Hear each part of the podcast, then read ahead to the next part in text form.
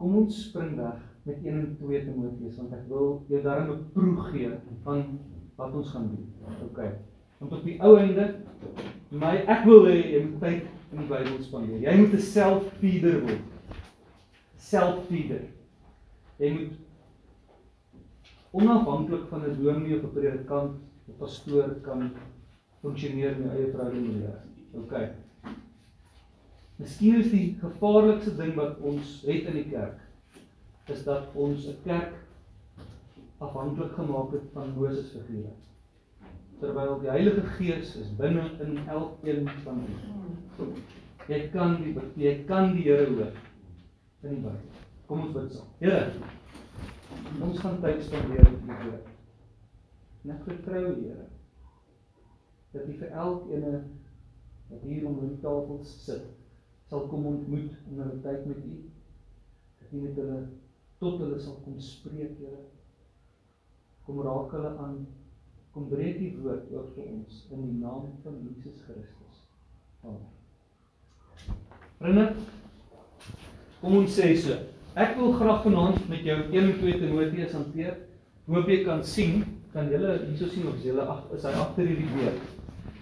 Nou, ek gaan vir jou ek, ek het my kop lank gekrap en gedink Ek sal graag wil hê dat as iemand 'n sessie bywoon, moet hulle 10 vrae kan beantwoord oor elke liewe boek. En daai 10 vrae is: eerstens, wat se genre is die boek? Want die genre bepaal baie keer hoe jy dit hoe jy dit verstaan. As 'n ding poësie is, dan dan moet jy hom nie letterlik verstaan. So as kom ons sê as die as die psalms sê dat U die aarde gegrondves op die pilare, né?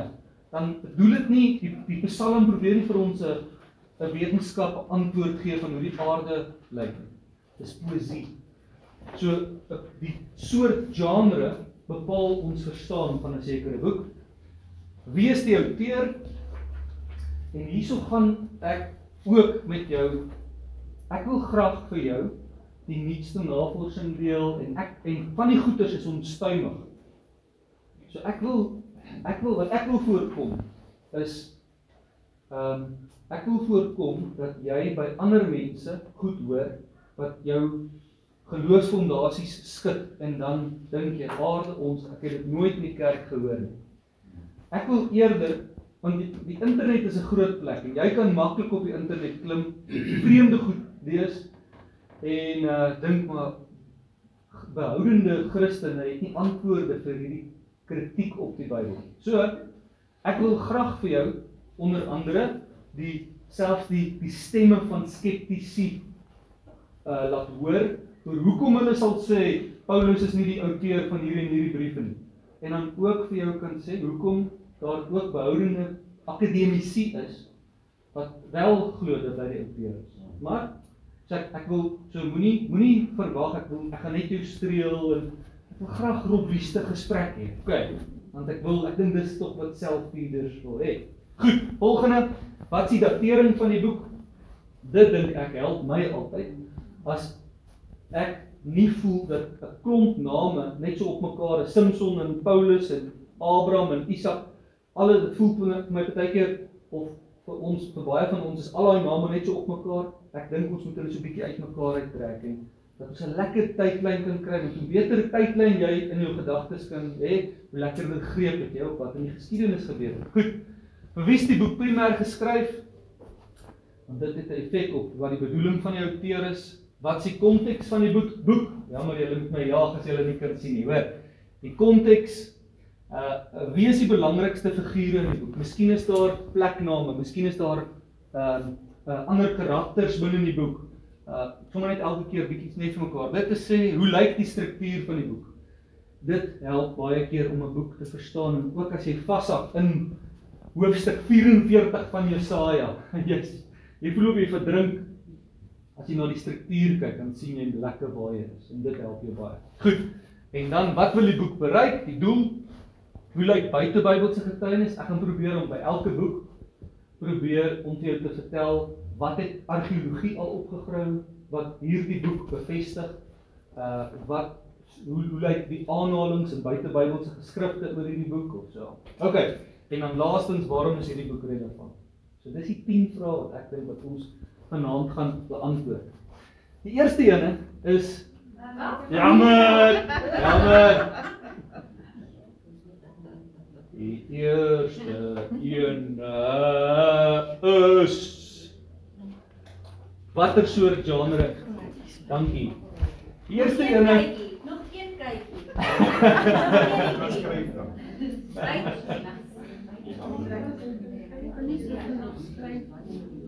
As jy wil, dan kan ek kan julle ook kyk en dieselfde goeie sal ook op die webtuiste wees, hoor. Maar as jy weer wil terugverwys, Net sê iemand wat baie moet skryf. Hy skryf net watter soort genre is die boek? Nee, sê net genre. okay, goed. Dis 'n nuttige punt daai. Dankie. Ehm, um, julle watter soort genre net kom ons sê genre? Ehm, um, daar's ons drie soorte kategorieë waarin hulle al Paulus se briewe kategoriseer. So jy weet nou as 27 briewe, ag 27 boeke in die Nuwe Testament, 13 van hulle noem ons sentbriewe van Paulus. 1 en 2 Timoteus is een van daai 13. Nou daar's 'n paar kategorieë, drie kategorieë van daai 13 sentbriewe. So jy kan dit op verskillende maniere klassifiseer. Die eerste is eg Pauliniese briewe. Die ander ene is betwiste Pauliniese briewe. So die voorbeelde van eg Pauliniese briewe waaroor hulle geen twyfel het nie. Dat hulle sê definitief Paulus geskryf het, is Romeine, 1 en 2 Korintiërs, Galasiërs, 1 en 2 Tessalonisense en Filemon. En dan is daar ehm um, Pauliniese briewe waaroor waar, waaroor hulle waaroor waar daar twis is, waaroor daar 'n vraagteken is. En dit is Efesiërs, Filippense, Kolossense, Titus. Wat waar dink julle val 1 en 2 Timoteus? Hy sê dan my seun. Kan jy dit glo, hè? Dit is daar's 'n vraagteken oor dit. So die ek gaan nou net vir julle sê hoekom hulle dit sê. Die ek daar's vyf redes hoekom vyf merkers binne die teks wat hulle sê dit dit lyk vir ons uh verdag. Daar's gemeentebriewe en dan sal individuele briewe. Gemeentebriewe is tipies briewe wat aan 'n groep geskryf is en dan individuele briewe aan individue. Goed, so gemeentebriewe, Romeine, 1 en 2 Korintiërs, Galasiërs, Efesiërs, Filippense, Kolossense, 1 en 2 Tessalonisense, individuele briewe, Titus en Filemon. So 1 en 2 Timoteus individueel, definitief. Dit is obvious.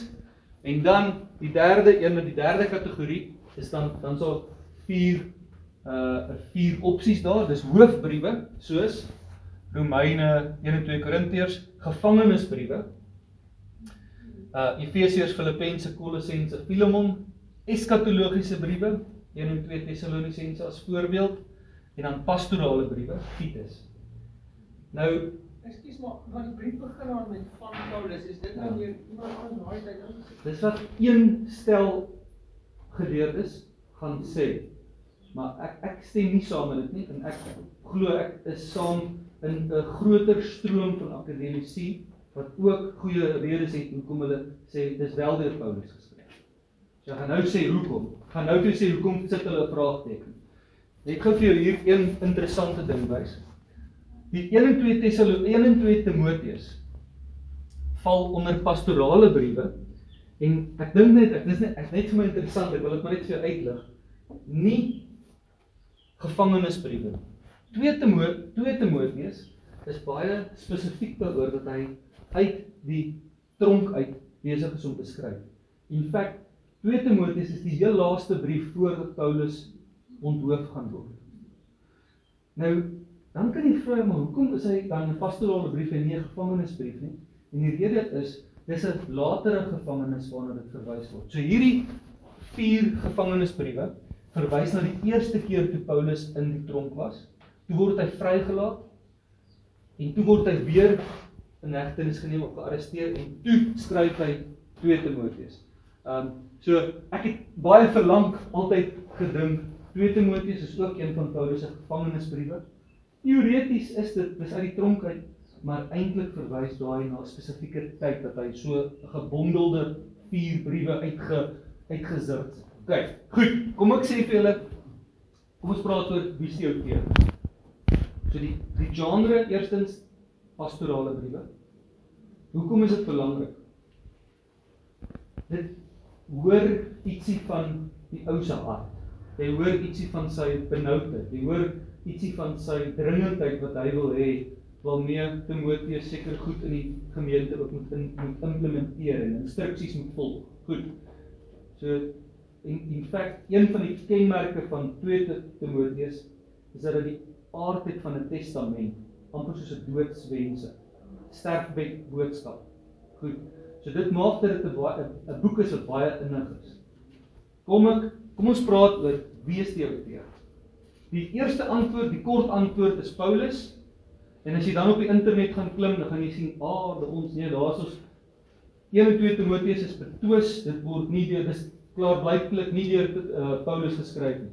Hoekom is daar ek hoop julle kan dit sien, ek moes dit klein gemaak het om alles in te kry. Jammer. Hoekom sê hulle is dit nie uh, deur Paulus geskryf nie? Daar's so vyf redes. Die ene is hulle sal sê dit pas nie die kronologie van Paulus se lewe nie. Ons lees nie in die Bybel dat Paulus ons lees van die Bybel dat hy nog gevang is. Maar ons lees nie in die Bybel in Handelinge dat hy toe weer vrygelaat sien weer 'n tweede keer in Rome ehm um, gearresteer is. So nou sal hulle sê maar dit so dit pas nie die die kronologie nie. So daar's 'n manier hoe jy jou verdedig in elkeen van daardie redes, maar die tweede ene is Daar's unieke unieke woordeskat wat net voorkom by 1 Timoteus, 2 Timoteus en Titus, die drie pastorale briewe. Unieke woordeskat. So van daai voorbeelde sal wees as jy byvoorbeeld kyk geloof, die woord geloof in Galasiërs wat 'n ondertwiste brief is of Korintiërs, sal dit altyd wees net geloof. Die oomblik as jy kyk na 1 2 Timoteus en Titus, dan praat hy van die geloof asof hy 'n ander term hy 'n ander term skielik begin gebruik en daar is daar's dis nogal 'n uh, baie keer 'n sterk saak wat mense sal maak om te sê dit is 'n manier om te sien of die outeur dieselfde outeur is. Ons kan nou nou ingaan op die swakpunte binne in daai argument. Die ander punt hoekom hulle sê dis nie deur Timoteus geskryf nie, is Timoteus Paulus ag deur Paulus geskryf nie, Paulus praat in hierdie briewe van ouderlinge en diakens en eintlik is daar 'n ander Griekse woord episkopos, biskop. Um so dit dui op nogal 'n komplekse hiërargiese verstaan van kerkorganisasie en in Paulus se kop uh, lyk dit vir ons net het hy baie losser verstaan gehad van kerk en 'n vryer hiërargie. So dit lyk te formeel. Uh dan sien ons in die struktuur, ons gaan nou nou daarna kyk, is pragtig. Daar's so drie credos of belydenisse, lofuitroepe waar Paulus baie sterk steun, maar dis ook nogal vreemd sê hulle vir vir Paulus. Uh dit strook nie met hoe sy ander briewe is nie. En dan die ander groot ding is dink byvoorbeeld aan Romeine en aan Galasiërs. Dan sal as Paulus die die uh dwaalleraars in daardie gemeentes moet weer lê, né? Dan maak hy gebruik van 'n tegniek wat hulle noem 'n diatribe. Dis so 'n denkbeeldige gesprek. Dis wat 'n diatribe is. Hy sê o, julle sê ehm um, maar moet ons nou aanhou sondig om nog meer genade te ontvang? Wel, en dan so hy sit die woorde in die mond van die denkbeeldige uh opponent en dan antwoord hy sommer die opponent ook. En so dit is hierdie lang debatte wat hy voer binne in Romeine of in Galasiërs en so. Dis diatribes, maar in 1 en 2 Timoteus en in Titus gee hy die die ehm um, die dwaler of net so van die tafel af. En hy sê net moenie met in strydgesprekke met hulle betrokke raak nie.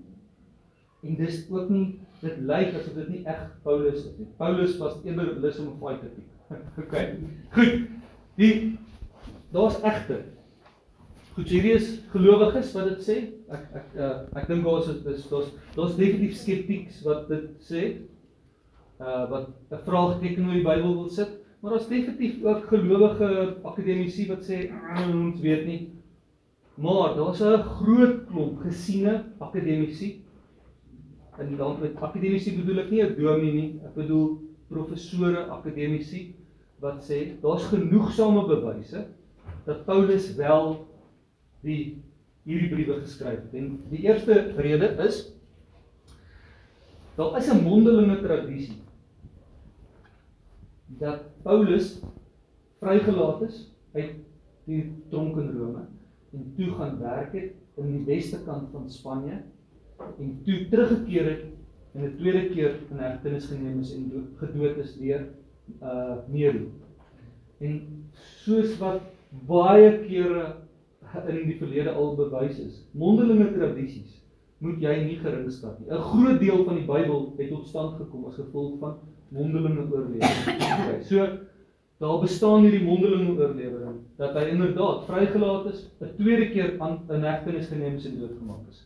Dan ons lees in van die ander betwiste briewe van Paulus, onbetwiste briewe van Paulus, dat hy sê nou skryf ek met my eie hand. So hy het 'n sekretaris gebruik om te skryf. Dit sou met ander woorde ook in hierdie geval kon wees. Hy sit in boeye in 2 Timoteus. Hy sê hy dikteer vir die sekretaris, maar die sekretaris gebruik sy eie woordeskat. En daarom vind jy ander woordeskat wat nie eie is aan Paulus nie. Maar die hoofgedagte is dalk dieselfde.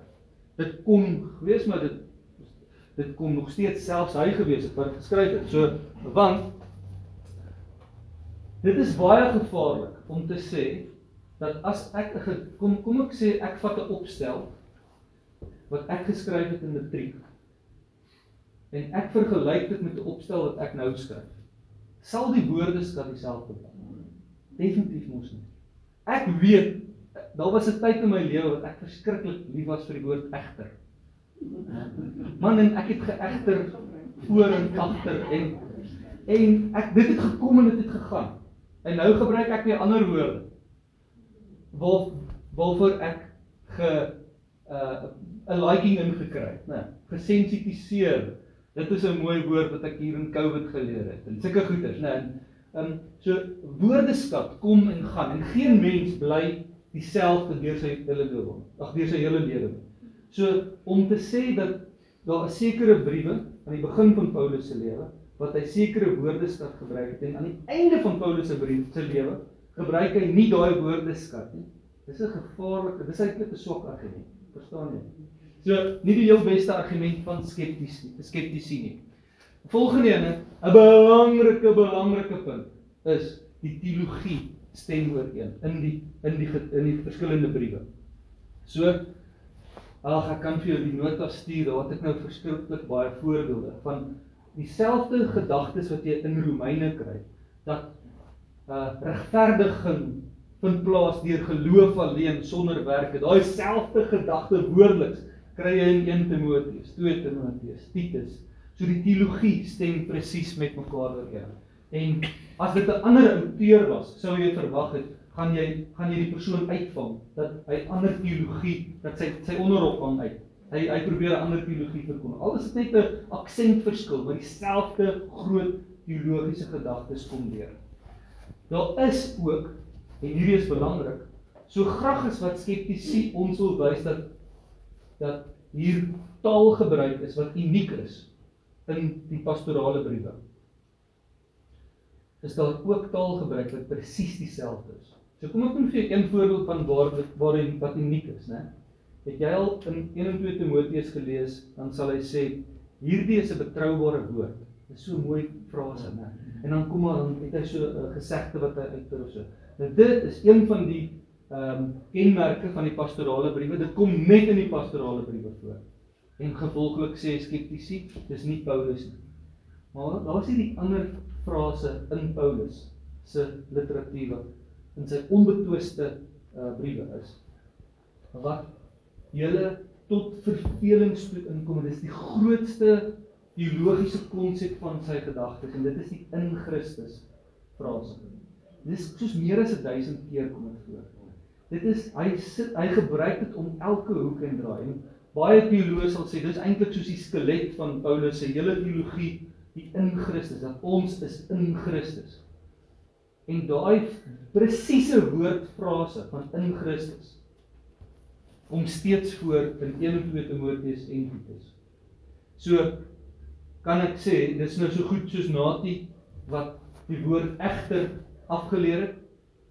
teen die einde van sy lewe, maar die myn teologiese konsepte bly dieselfde. So ek het baie groot rustigheid om te sê daar's oor genoeg rede vir my om te sê dis een dis nog dieselfde Paulus wat hier so aan die skryf is.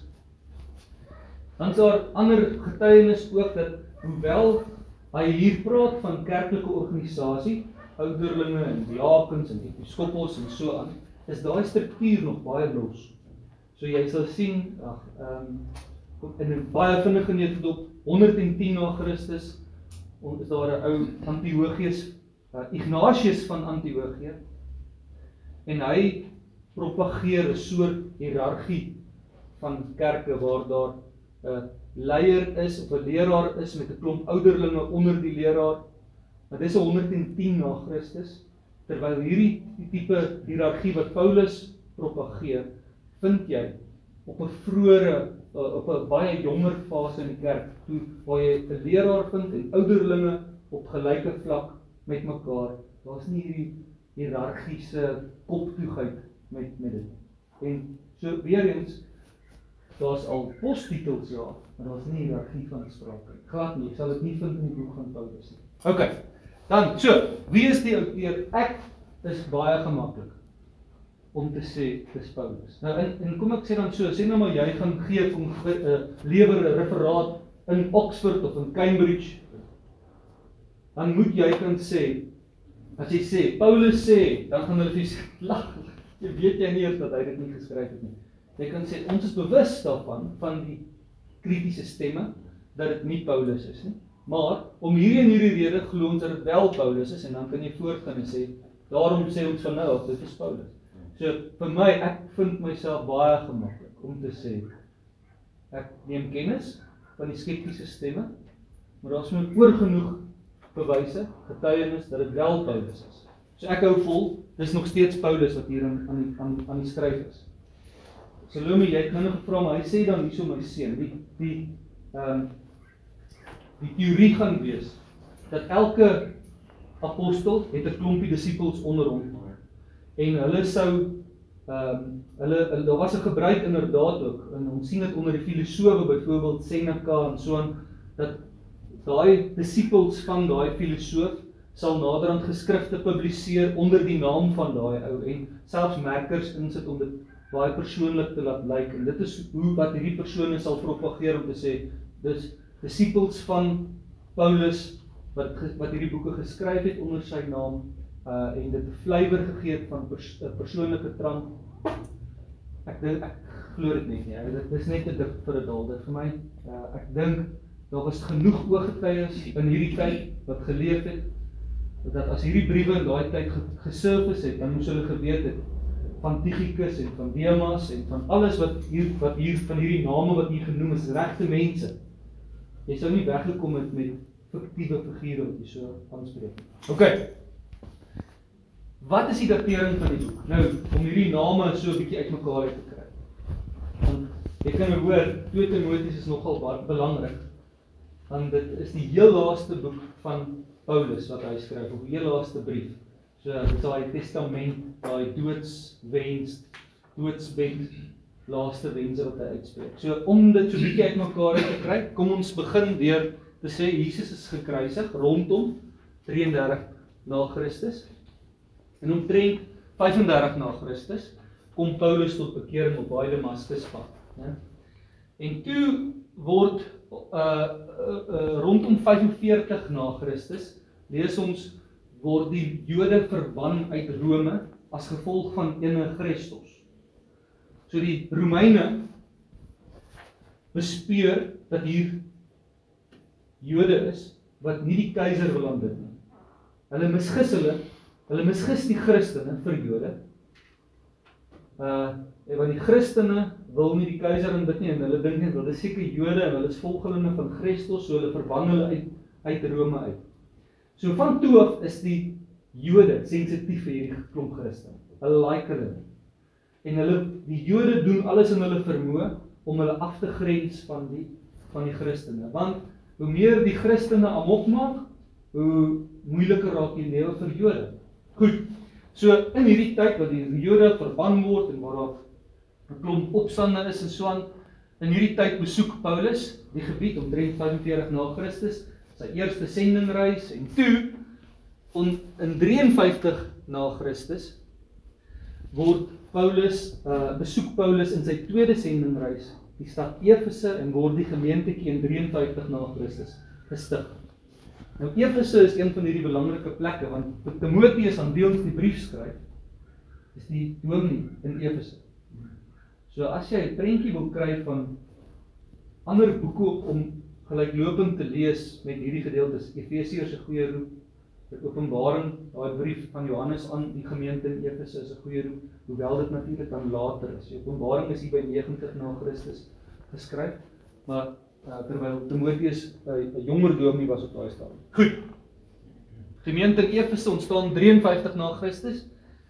Paulus is die eerste keer in die tronk in Caesarea ongeveer tussen 57 en 60 na Christus en toe word hy in die tronk gesit in 60 na Christus weer weer die Romeine in Rome. En dis hierso tot tot en met hierso lees ons in Handelinge. En nou gaan vervat die mondelinge tradisie wat ons van weet, ons hoor die mondelinge tradisie sê vir ons dat hy toe weg is. O, jammer, net voor ons by die mondelinge tradisie kom. In hierdie tyd, net na sy vrylating, skryf hy uh 1 Timoteus ongeveer in 64 na Christus. So dis net na sy tronk episode. Onthou julle Paulus in die tronk hierdie gedeelte. Daai gevangenisbriewe dis hierso. Daai vier briewe skryf hy hierso. En na sy vrylating skryf hy 1 Timoteus en toe begin Nero se vervolging in 64 na Christus. En Nero was 'n terrible ou. Nero net in 'n neutdop hoe kranksinnige hy man was. Hy het Christene gevat, gesê: "Oké, okay, julle wil my nie aanbid as God nie. So ek gaan vir julle 'n les gee. Ek gaan bietjie my partytjies vat, wat ek uitspattige uitspattige partytjies het. Ek gaan ek julle met pik smeek en aan die brand steek vir my partytjies om lamp uh, in julle hande paal vasmaak dat julle die lig sal wees van my partytjies want julle wil mos nou die lig van die wêreld wees. So, dat julle nou die lig van my partytjies wees. Dan hou hy hierdie partytjies aan staan en brand die Christen daar totaal in kranks, totaal nou kranksinnig gehou. En toe ehm uh, uh, meer en jy kan gaan lees is dis nie Christen geskiedenis nie, dis sekulêre geskiedenis. Beskikbaar vir enige iemand. Nero was so kranksinnig dat hy op die stadium met hy op sy paleis se dak gaan staan. Toe gee hy 'n opdrag vir sy vir sy uh, soldate om Rome aan die brand te steek. En Dit was lus vir 'n bietjie avontuur, fireworks. Toe gaan steek sy soldate die stad aan die brand en die volgende dag sal pandemonium, klomp mense wat dakloos gelaat het, dood is in die brand en toe moet hy nou verduidelik wat het gebeur. En toe pak hy die skuld op die Christene. Dis toe jy weet dat die Christene is hierdie ander dogs binne die gemeen in die gemeenskap. Dis die maklikste om die hele betalie op hulle te te, te pak. En toe begin vervolging. En want toe het hy 'n scapegoat om vir alles te blameer. Goed, en dis waar die vervolging toe van van plaasvind en dit is vir hom lekker, is vir hom gerieflik want hy kry nou 'n manier om hierdie ouens wat hom nie wil aanbid as God nie om hulle uit die weg uit te ry. Goed. So word Paulus weer in die tronk gesit in Rome rondom 66 na Christus en in hierdie tronk en in hierdie tronk episode skryf hy 2 Timoteus En hoewel dit in die tronk is, is dit nie 'n gevangenisbrief nie. Want die eerste van die gevangenisbriewe was die eerste sarsie, né? Nee, die eerste sarsie in die tronk. Uh daai. En hierdie is die tweede sarsie in die tronk. En toe word hy onthoof rondom 67 na Christus. Word hy doodgemaak. Hy skryf in die boek van 2 Timoteus, ek kan aanvoel my einde is naby. Toe word hy inderdaad ontmoet en toe in 68 na Christus toe neem Nero sy eie dood. OK, so dit is min of meer as ons moet dateer uh sal ons sê 1 Timoteus net na die gevangenisbriewe rondom 64 na Christus en 2 Timoteus tussen 66 en 67. Ons het 'n datum wat dit nie later kan wees nie. Dit kan nie later as 68 na Christus wees nie. Want 68 na Christus is Nero dood. So dit maak dat dit ontsettende vroeë briewe is hier.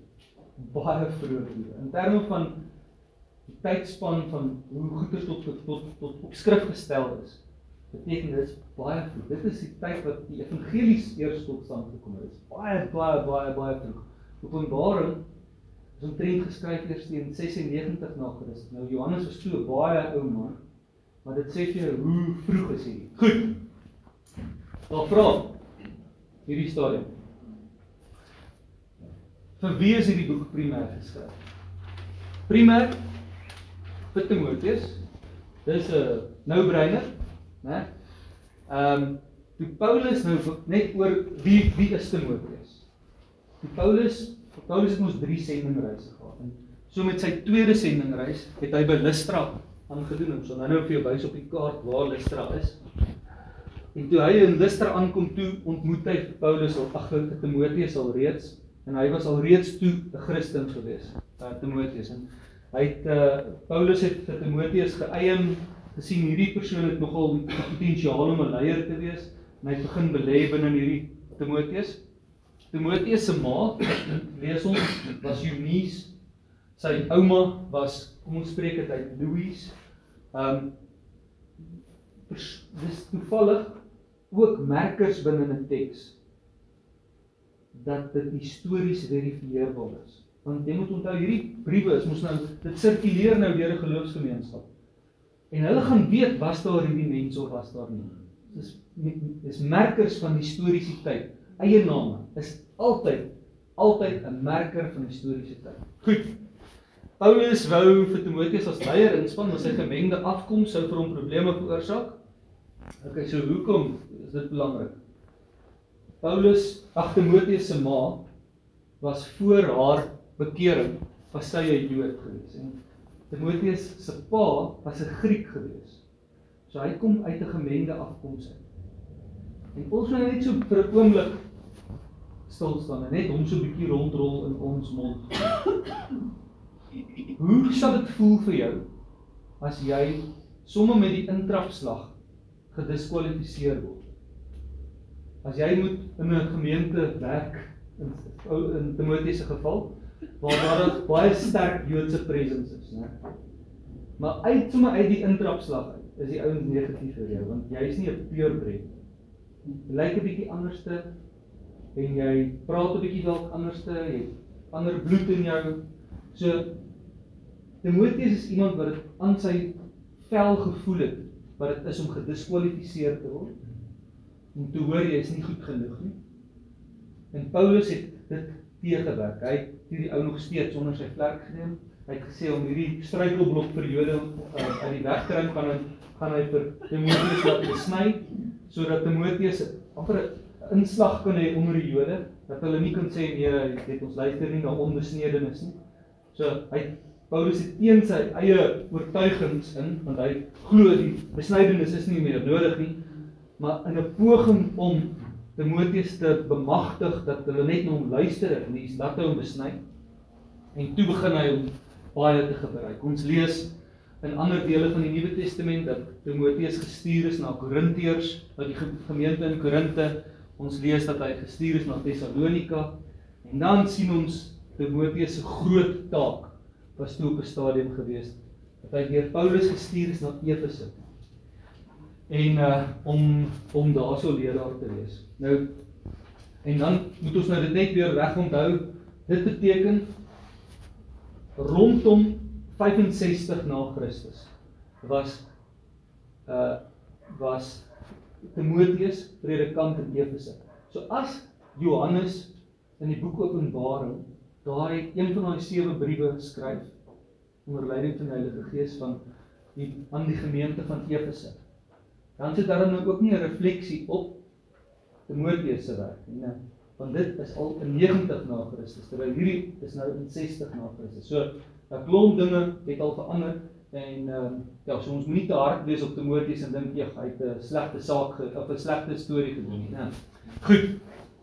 Dis die vir wie die boek primêr geskryf is. Uit die aard van die saak, soos in alle gevalle, as jy 'n boek, 'n brief kry van Paulus en dit is aan jou persoonlik geadresseer, dan sirkuleer dit die hele gemeente vol en uh, die hele gemeente gebruik dit vir vir vir, vir opbou van hulle van hulle self. So dit maar dit is primêr geskryf vir uh, Timoteus. Goed. Wat is die konteks van die boek?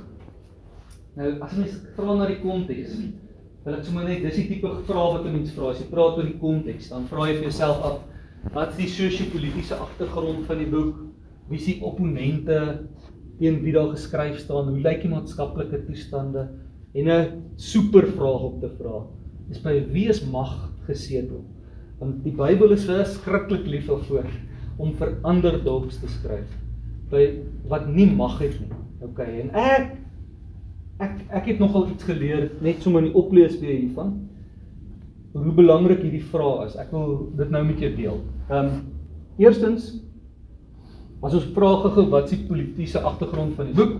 Kom ons orienteer ons net gou waar ons is. As jy in jou in jou kop 'n kaart trek van Afrika, né? En van Suid-Afrika trek jy hom loodreg noord op. Loodreg van Suid-Afrika af is daar Egipte. OK, so nou is jy in die bopunt van jou kaart in Afrika. Nou, jy is nou met my. En dan net so na regs lê Israel. Nou Paulus se sendingreis het so vertrek deur hierdie hele gedeelte. En hierso is uh, Turkye waar vandag Turkye is en Istanbul is. Hierso's Efese en daar's ons Lystra. So dis waar hierdie gedeelte afspeel om dit raak nou nou belangrik, ek sal nou nou vir jou wys. Daar's ons Efese. Dis met ander woorde in vandag wat ons sal noem Turkye. 'n Massiewe stuk uitgestrekte land. En dis in hierdie gedeelte wat die grootste deel van die Nuwe Testament afspeel. Die neel die die grootste deel van die Ou Testament speel af in Israel. En die grootste deel van die Nuwe Testament speel af in Turkye. Goed. Nou Efese het om die punt te maak. Dis hoekom ek dit wys. Efese is teen aan die oseaan. So Efese was 'n belangrike hawe stad. Hy was een van die 5 5 belangrikste stede in die Romeinse Ryk. Uh daar was in tye van Paulus se besoek ongeveer 'n half miljoen inwoners in die stad. Was 'n hawe stad met 'n teater, 'n markplein, verskeie tempels, onder andere vir die beskermgod Artemis. Paulus het Efese die eerste keer besoek. Okay. So eerstens kry in jou kop, dis 'n prentjie amper soos van Kaapstad. Nou dis 'n metro kosmopolitaanse stad. Hawe stad, super belangrik vir handeldryf, dis 'n muurnes van ekonomiese bedrywighede. En dit is vir wie uh Paulus na Timoteus na gestuur. Hy moet daarso gaan gaan uh, uh die kerk gaan lei want daar's ons besig om dwaalleraars in te kom. Nou die dwaalleraars, wie die dwaalleraars is, dis die dis die sosio-politieke agterkonteks van die stad. Ag in die brief is hierdie dwaalleraars in die gemeente is Joodse Christene wat die onderhouding van die wet wil beklemtoon. En jy sien dit op etlike plekke binne in die brief. So eerstens dis mense uit die Jodendom uit wat tot bekering gekom het. Hulle glo in Jesus. En nou daar iets gebeur. Hulle het geglo dat Jesus moes al teruggekom het. Hy het gesê teen 33 na Christus dat ek kom weer. Dis nou al 67 na Christus. En hy kom nog steeds. En nou begin hierdie volgelinge van Jesus terugval in hulle vroeë ja, hulle begin terugval in dit wat hulle geken het. Die ou Judaïsme, die beklemtoning van die wet. Om God te behaag, moet jy X, Y, Z. Hulle daar's ander dwaalleraars wat wat verkondig dat die opstanding ook al gebeur het, dat hy eintlik al reeds teruggekom het en dat ons nog hier so ronddwaal. Nou, goed. Hulle leer mense dat die opstanding reeds plaasgevind het en sommige van die dwaalleraars is ook vrouens. Dit is baie belangrik. Want as jy hierdie gedeeltes gaan lees in 1 en 2 Timoteus, gaan jy sien as jy nie weet wat die so die sosio maatskaplike konteks van hierdie brief nie, gaan jy dink Paulus is super negatief oor vrouens.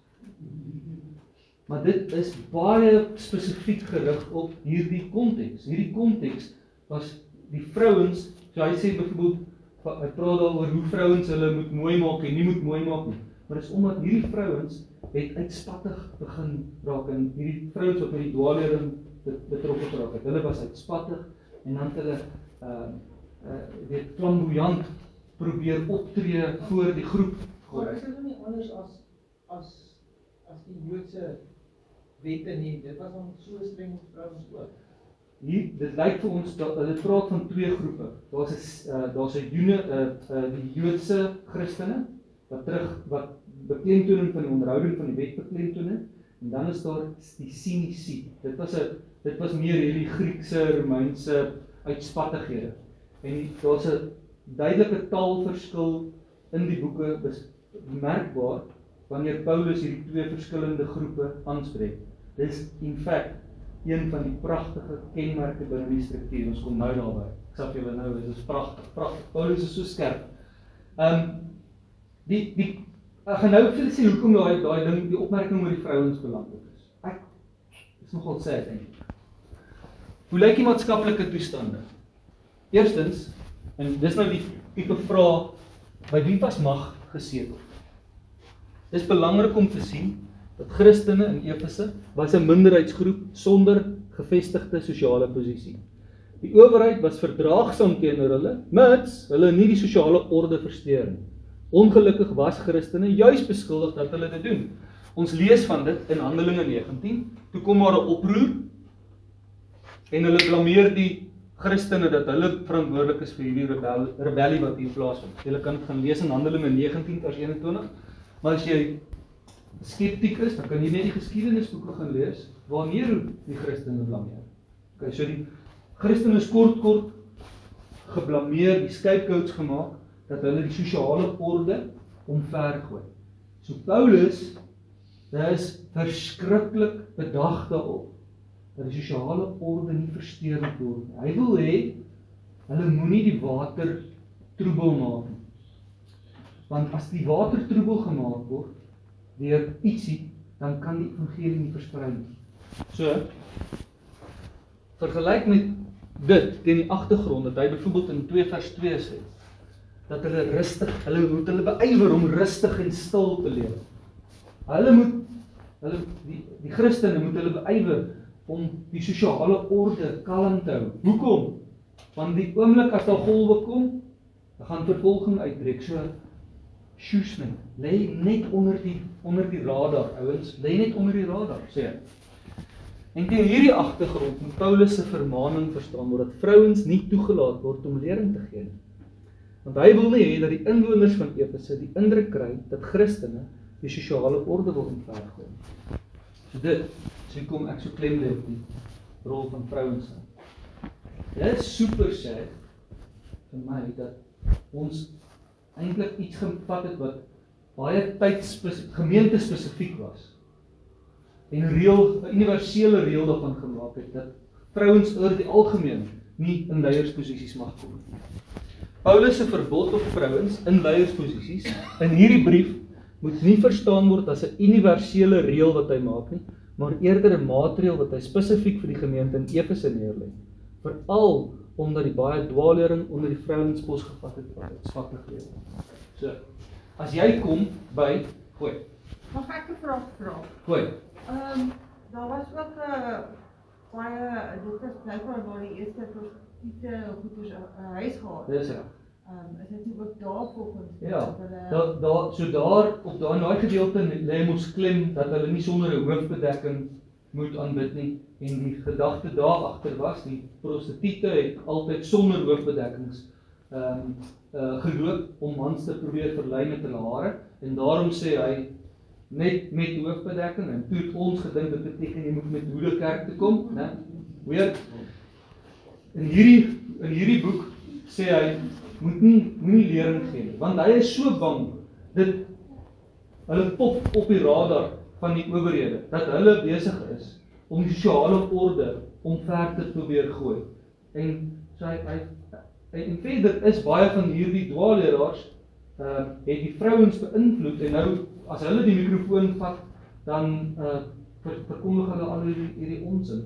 So dis 'n baie hierdie maatreël wat hy neerlees, baie gemeente spesifiek. Dit is nie bedoel gewees om vir die kerk oor die breë neer te lê. Goed.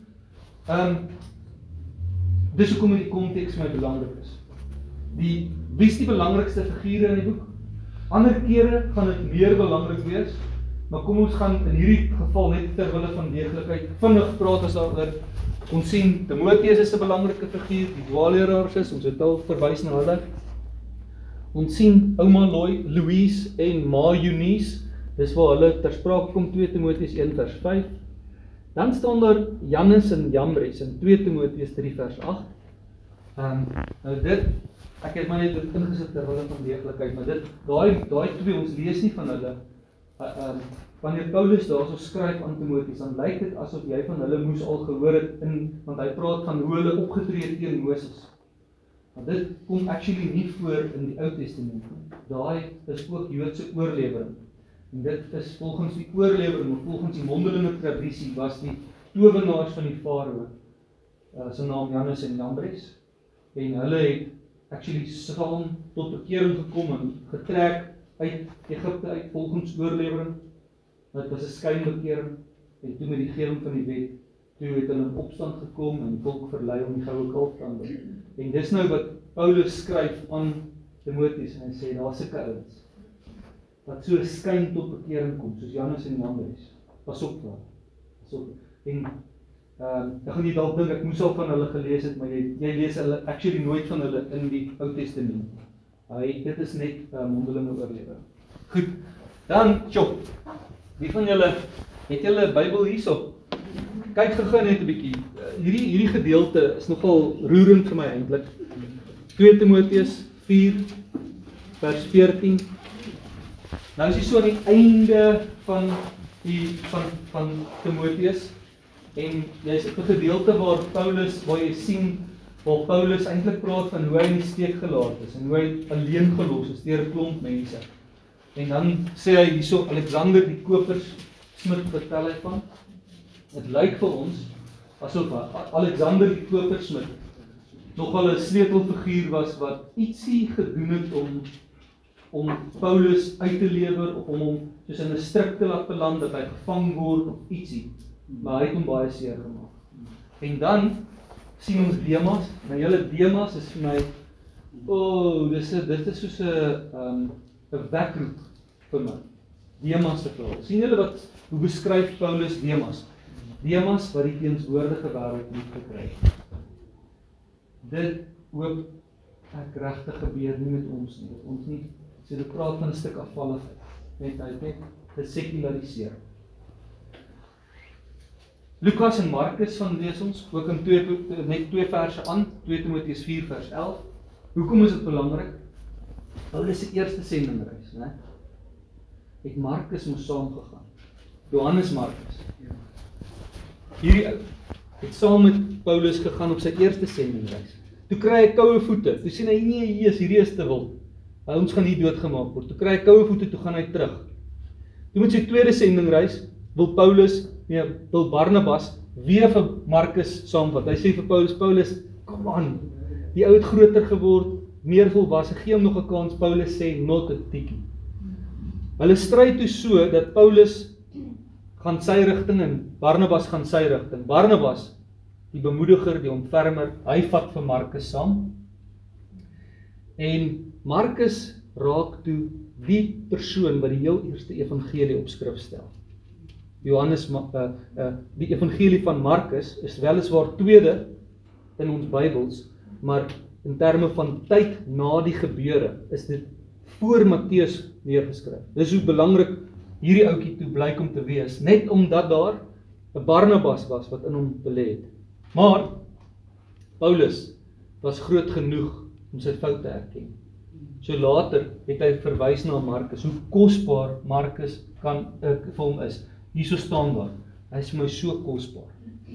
Julle en dan kyk nou net gou weer hierna. Dis ekskuus as ek weer dieselfde punt maak. 2 Timoteus 4 vers 19 praat Paulus van uh hierdie koppel. Dit is 'n egpaar gewees, Aquila en Priscilla. En jy lees van hulle so sporadies in Handelinge en jy lees van hulle in die briewe en jy lees van hulle op 'n klomp plekke hoe hulle Paulus bystaan. Is daar iets vir jou vir jou uitstaan in die vorm waarop hy dit skryf in 2 Timoteus 4:9?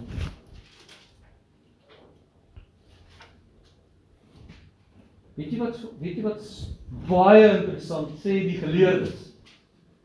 Die feit dat hy 'n vrou se naam eers sê. Dis nie Aquila en Priscilla nie, maar Priscilla en Aquila. En dit Priscilla eers ontmoet daar op die Wat dit was nie in die tent maak of op 'n Yes, dit was die dit was die tent maak. So het hulle daar vir haar eers ontmoet. op 'n ander plekke gooi hy die twee name om. So by party plekke lees hy eers van uh, hy noem hulle altyd altyd saam. Ja. Maar party plekke lees hy eers van Aquila, dan van Priscilla. Maar net in die gees van hierdie boek met sy skerp optrede teenoor vrouens, is dit super belangrik om te sien dat hy hier geen probleem het om 'n vrou se naam bo man se naam te noem. Wat dit net belangrik is. Kyk as jy ja, as as ons leef gelukkig al in 'n ander tyd, maar as ons 'n chauvinistiese samelewing was, het dit vir ons verkeerd gesit. Nee, jy, wat hy nou doen is, verkeerd. Maar dis hoe fyn genuanceerd afgemeet Paulus skryf hierso. Goed. Ehm um, terwyl hy praat van wie se belangrikste figure, sommer net die belangrikste plekke, is ook 'n goeie vraag om te vra. Ons het gesê daar's ons Efese, en nou hiersoos Egipte reguit noord. Ehm um, Lystra is hierso. Ook in in Turkye en dit is waar Timoteus groot geword het. So dis waar Paulus hom gekry het en dis waarheen hy hom stuur en vir in die antieke wêreld is dit 'n far away from home. Dis 'n far away from home. So Timoteus offer 'n klomp goeder op. Hy offer 'n klomp. Ehm um, dit dit kom teen 'n prys hom. Goed. Hoe lyk die struktuur van die Hier wil ek gou. Ek hoop jy kan hierdie ding sommer weg uh opvou en in jou Bybel hou terwyl jy hom lees want ek dink dit gaan vir jou help. Kom ons hardloop deur 1 Timoteus. Ek wil graag net so 'n paar goeie vir jou uitlig. Ek sal nie ek gaan nie alles lees nie. Ek wil twee so so 'n paar goeie vir jou uitlig. sien raak, die boek bestaan uit 3 dele. Dan sien raak dat in elke deel is daar 'n lofroep sien julle dit so in kursief gedruk 'n lofroep dit is onthou julle hulle het gesê die skeptici het gesê een van die redes hoekom daar hoekom Paulus nie die brief geskryf het nie is hy maak baie gebruik van credos dis hierdie lofroepe of lofuitinge as jy dit gaan lees dan gaan jy sien dis nie genoegsame bewys om te sê dis nie hoekom Paulus die boek geskryf het nie. Dis net stilisties dis die samevatting van sy boek. Daai lofroepe bind die boek aan mekaar. Goed dan dink ek is dit ook goed om te sien dat hy telkens in die hy begin met 'n mandaat daar in 1 vers 1 vers 18 tot 20 herhaal Timoteus se herhaal Paulus vir Timoteus sy mandaat en dan sluit hy af heel aan die einde ook weer deur sy mandaat te herhaal. Vir my hoekom die struktuur belangrik is, want jy moet altyd vir jouself afvra wat kommunikeer die struktuur? Vir my kommunikeer die struktuur. Dit begin met die probleme in Efese. Dan gaan hy oor in deel 2 die instruksies vir Efese. Deel 3 verdere instruksies vir Efese. Ek ek klink nou al soos 'n grammofoonplaat. Maar die punt is hierdie is 'n baie dis 'n brief wat plek sensitief is. So as ons onsself afvra wat kommunikeer hierdie struktuur dan moet ons sê as Paulus sê ek laat nie vrouens toe om lering te gee nie dan moet jy die struktuur bereken dit gaan oor Efese gaan oor Efese dit gaan nie 'n universele reël nie. Dis plek sensitief hier goed. 2 Timoteus as jy net omlaai. Uh weer eens 2 3 dele oproep tot toewyding en dan daar sewe instruksies, sewe belangrik goddelike vertaal, sewe instruksies vir Timoteus en dan Paulus se gevolgtrekking. Ja, julle daai laaste deel is nogal roerend. Paulus se gevolgtrekking. Jy kan sien hy insig in sy eie omstandighede. Hy sê My brother, ek ek dink my tyd is naby om te gaan. Dan skryf hy daai ene vir daai pyn van verlatenheid. Demas het my alleen gelos en dit het my alleen gelos en ek sit net hier so alleen. Maar dan sê hy maar die Here is nogtans goed vir my. Daar sluit hy af met 'n persoonlike belydenis. Nou wanneer jy die boek lees en jy hak vas, kyk in die struktuur waar jy is. Want baie keer help die struktuur vir jou net so 'n bietjie tree weg te gee en te sê o, oh, okay, nee wag. Dis wat hier aan die gang is. Um, hy is besig met instruksies of hy is besig met 'n lofuiting en dis hoekom dit belangrik is. Elke lofuiting is 'n is 'n is 'n lofroep om Jesus as koning te besing. Ehm um, gooi. As dit as dit dan nou so uh plek sensitief is. Ja. Wat sê jy dan vir my nou ja, hoe kan ek nou moet ek dan Ja. Ek ek gaan sê eerstens vir jou as jy dit lees beteken dit nie jy mag nie in die kerk dien as leier nie. Dit beteken ook dat ek sê as ons 'n bietjie breër wegmaak sal ek sê dit beteken vir ons as Christene dat ons baie sensitief moet wees vir hoe persepsies ontstaan. Want Paulus vra wel 'n baie 'n baie hoë eis aan daai lesers. Hy vra: "Doen afstand van julle eie menseregte ter wille van persepsies. Ter wille van persepsies, moenie jouself weer aanstel of so want dit gaan die sosiale orde omkeer.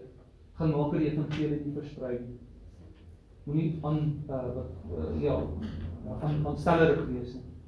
So uh dis dis een van die goed wat ek sou sê wat vir my wat ek my takeaway is wees ekstra bedag op die op persepsies van die gemeenskap, 'n Christelike community beleef.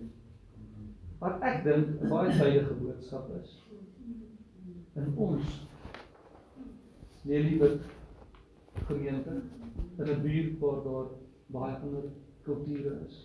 Ons ekstra sensitief is. Oor oor persepsies onder andere.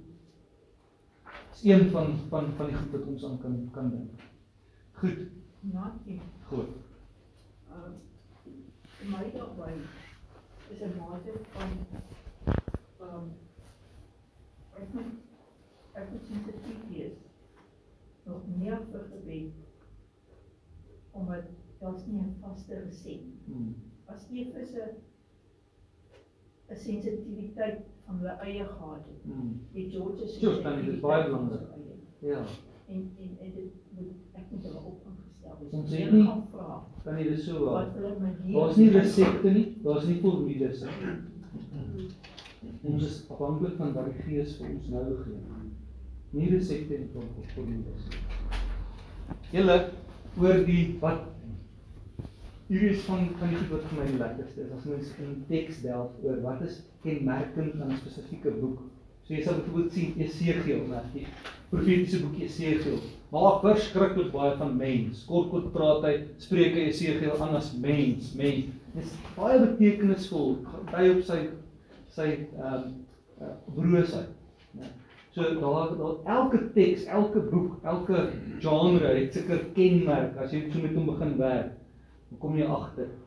En as jy eers ges hoe jy gebruik daai woord gesensitiseer is vir dit, dan as jy hom raak lees, dan kry jy dan voel jy so chap. Okay, so ek gaan nou vir jou so 'n paar merkers gee in die teks. En as jy dit gaan raak lees nou in 1 en 2 Timoteus, gaan jy chap voel. Okay.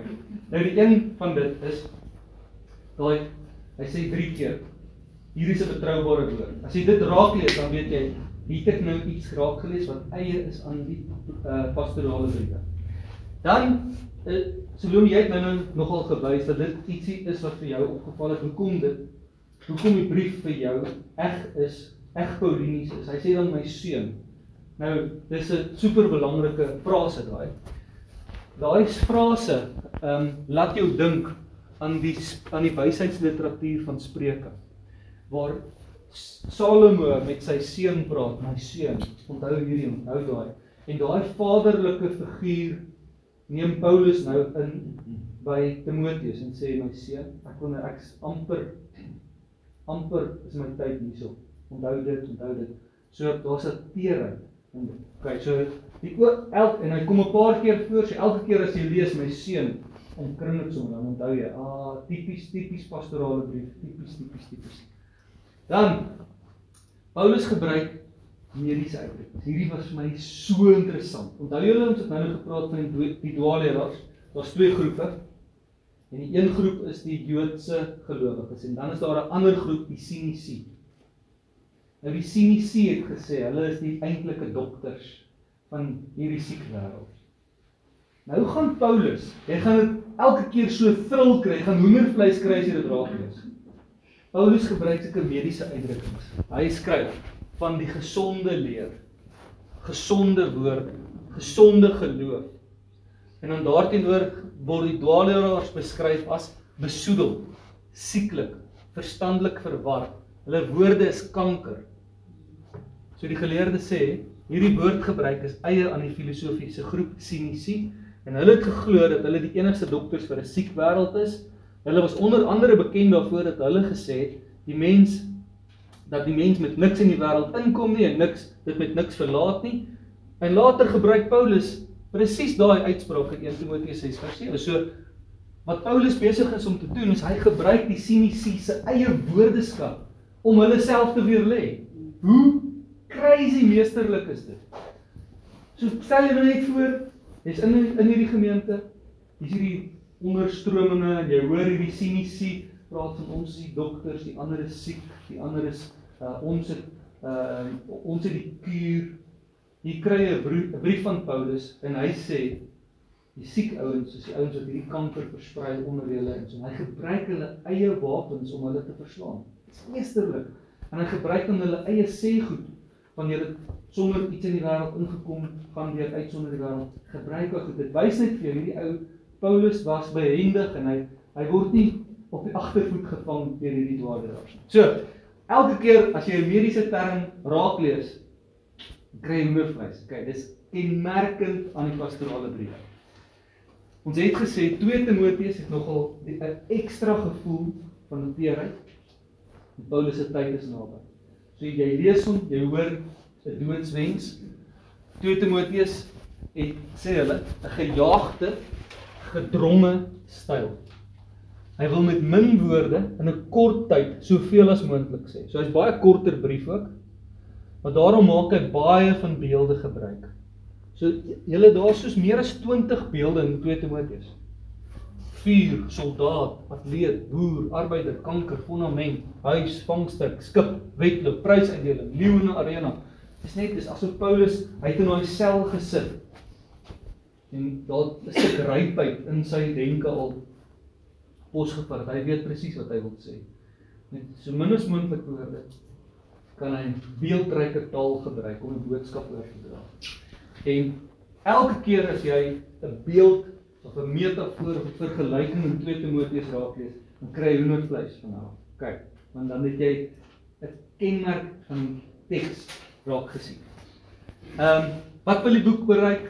Sê daarna verwys van hierdie ouens wat ontnigter was dat Jesus nog nie teruggekeer het teen 67 na Christus nie. En Paulus probeer sê hoe hierdie huisgesin van God moet leef in 'n tyd wat hulle eintlik gedink het Jesus al moes terugkeer. Dis wat hy probeer en hy probeer vir Timoteus moed inpraat. En hy probeer vir Timoteus sê bly by die suiwere leer. Bly moenie moenie nou terugval na jou default mode van wettisisme of so bly by die suiwere leer. Hoe lyk buite Bybelse getuienis? is daar argeologiese fondse wat ietsie hiervan sê verskriklik baie om mee te begin ons die hele stad Efese is opgegrou vandag en beskikbaar net so Efese waar Timoteus en daai gemeente in Efese was kan, kan besigtig word uh, dan sien ons Efese arenas gehad hulle uh renbane gehad hulle was 'n baie vooruitstrewende stad Dit was 'n Kaapstad vir sy tyd gewees. Half miljoen mense, vyf een van die vyf belangrikste stede. So hierdie stad het om mee te begin, hierdie stad het regtig bestaan. Dis nie mm, so nie. Dit is 'n dis dit word geverifieer deur argeologie. Maar interessant ook sien ons die prominensie van krone in hierdie stad. Van krone. So dit om een van die goeters, een van die baie argeologiese fondse vir jou uit te lig. Ehm um, in 2 Timoteus 2 vers 5 staan daar: 'n atleet wat aan 'n wedstryd deelneem kan die prys die Stefanos is die Griekse woord vir 'n kroon daar wen slegs as hy volgens die reëls meeding. So daar's twee woorde in die Grieks wat gebruik word vir die kroon, Stefanos en 'n diadema en die diadema word elke keer net gebruik vir Jesus binne in Openbaring. Maar die Stefanos wat 'n meer algemene kroon was, soos 'n vir 'n oorwinnaarskroon was. Dit sal hy gebruik vir uh die gelowiges wat end uit wat end uit ehm um, die getroude. Interessant egter dat die argeologie wys vir ons dat atlete wat ehm um, wat wat roemryk is, se name word vir ewig binne in die fondamente van die stadions. So die atlete se name word daar vir ewig. En ietsie daarvan probeer Paulus sê dat jy kry prys met jou naam word vir ewig in die koninkryk van jou. So dis nogal beautiful vir my. So en dan dink ek, waarom is hierdie boek relevant? Ek vra myself net af en en ek dink ons moet daar saam praat. Want daar's definitief meer as een antwoord daar. Vir my vra ek myself af of ek dink daar vandag nog dwaalleraars is, dwaallering is. Ja. En as ons bevestigend antwoord daarop, dan dink ek is dit 'n wekker van van van ook vir ons, maar dit ons sal klem nie op die suiwerheid van die evangelie om seker te maak ons verwater dit nie ons ons ons wyk nie af van dit af nie. Ehm um, ons het gepraat oor die ehm um, uh oor die oor die belang van persepsiebestuur in 'n gemeenskap. Ons kan sê dis hoekom dit relevant is vir ons. Ons kan sê dis vir ons belangrik ook uh die klem wat Paulus lê vir Timoteus om nie in sy toewyding te verslap nie. Hy hou kort kort aan te Timoteus sê. Hou vas, hou maak seker jy maak jy, jy voltooi die wet, wetloop eintlik. Moenie soos Demas se word wat die teenswoordige wêreld liefkry en uitsak nie. So ons dit is hoekom hierdie boek onder andere vir my relevant is selfs vandag nog. Vra. Ja, wat het Paulus Ons weet nie heeltemal nie. Ons weet ongelukkig nie heeltemal nie. Ja. Dankie, dis 'n interessante vraag. Ek het ek het ek sal gaan oplees oor dit wat se benadering maar ek het dit nog nie raak nie. Ek sal weet dit gaan oplees. So. Die skeptici wat sê Paulus het geskryf, wie sê hy het geskryf? Hulle sal sê of daai disippels van Paulus So hulle het dan nie 'n spesifieke naam. Hmm, nee. Nee. Maar ek is ek dink die getuienis sal hom vir my lyk reg vir my oorweldigend dat dit hy dat hy definitief hou. Dis net te persoonlik. As jy gaan gaan lees dan sê dan sê hy ek het vir Tychicus teruggestuur. Jy sal sien nou in 2 Timoteus dan sê hy ek het Tychicus teruggestuur na Troas toe. Gaan jy en gaan kry hy die perkamente. Die en en die jas, my jas wat ek daar verlos het oor. Daar is so dis so akkurate persoonlike nota daai. Dit jy gaan net nie dit kan kunsmatig create nie. En wat die idee uh, wat die wat die teorie is is dit is waarskynlik die perkamentbriewe wat hy geskryf het, die gevangenisbriewe wat hy geskryf het, wat hy nou vir Timoteus sê, kry dit ek het vir Tychicus gestuur om daai goed te gaan kry, gaan kry dit vir hom en bring dit saam vir my. So daar's is legit briewe wat hy moet gaan haal om weer te versprei. Daar's net te veel historiese markers. Vir my, ek ek dink dit gaan as jy moet praat oor waarskynlikheid en dan dit dan gaan jy groter groter geloof moet hê om te sê dis nie hy weer geskryf nie, dink ek. Nog vrae? En ek net 'n opmerking maak. Ehm ek dink selfs Timoteus dat baie soos ons man vrouens ek weet ons lag altyd so dominetjies. Maar selfs in 'n dag, ek weet elke hoofstuk wat jy in die Bybel lees, die kennis wat jy kry, help jou om te bemagtig juis om onder die uh daardeur Ja. uh Ja. te bevestig, ja, jy sê dit is hy regtig of sy nie. Ja. Dis nogal interessant. Hulle sal sê dit is een van die nuttighede van hierdie boek is om dwaalleraars te herken en van die goed is onder andere dit gaan altyd gepaard met konflik en met dit so dis nou wat jy sê jy weet dit die Bybel help jou ook in dit om om bedag te wees op dit. Ehm um, ek wil julle nie te lank aan in as daar is daar nog vrae of nie Ek gooi. dink ek sê um Rudolf het uh, gedurende Pinkster twee baie um in die begin van Pinkster en die einde van Pinkster wonderlike preke oor uit Timoteus. Dit was nie uit Timoteus nie, maar daai verse aanval oor um in 2 Timoteus julle moet um om om julle opnuut aan te vuur. Ja, Daai gedeelte in in ek het gehoor daarvan. En daai twee preke, ek het nou al so paar keer geluister, dit is absoluut uitstekend. Dankie sê my gaan En ek sê. dink regtig julle moet uh, as julle dit nie gehoor het nie, gaan regtig op YouTube en gaan luister dit. Is Dankie. Ek gaan vir hom sê dit kom wat vir jou dalk teken. Hy sal dit waardeer. Ja, ek het nogal um, ek het nogal gehoor iemand anders het ook daarna verwys. So daar's al klaar goed wat vir ons gemeente gegee Ja. is. Wat uit te moet is, want ek het net 'n vraag gevra want ek dink ek moet dit lees nie. Ja. het net gedink Ja, ja. daaroor dink. Julle ek wil so graag hê julle moet geniet as julle lees. OK. Asseblief geniet En lees dit bidden Natasha. As ons klaar nou die boek Ja. gelees het, gaan ons voordat ons met die nuwe boek begin, bietjie eh, Ek was bang Ja. iemand vra dit. Nee, nie. Ek was bang iemand vra dit. So, kom ons sê Ek was bang daaroor. Kom ons sê met met, met 'n nuwe sessie wat ons as ons nou gaan almos doen wat ek hoop julle gaan doen. Dan uh, sal ons 'n vensterperiode oopmaak vir vrae oor wat julle gelees het. Want ons moeilike goeters 'n vrou wat haar redding vind deur kinders te baar en sulke goeters is moeilike goeters. So praat ons vinnig daaroor. OK. Maar mens kan altyd een of twee van jou vriende wat hier in die groep is wat dit ook doen, kan jy altyd Ja. sê kom ons kom by mekaar en ons Ja. Ja, ja, ja. Julle as jy die naweek gaan draai, né?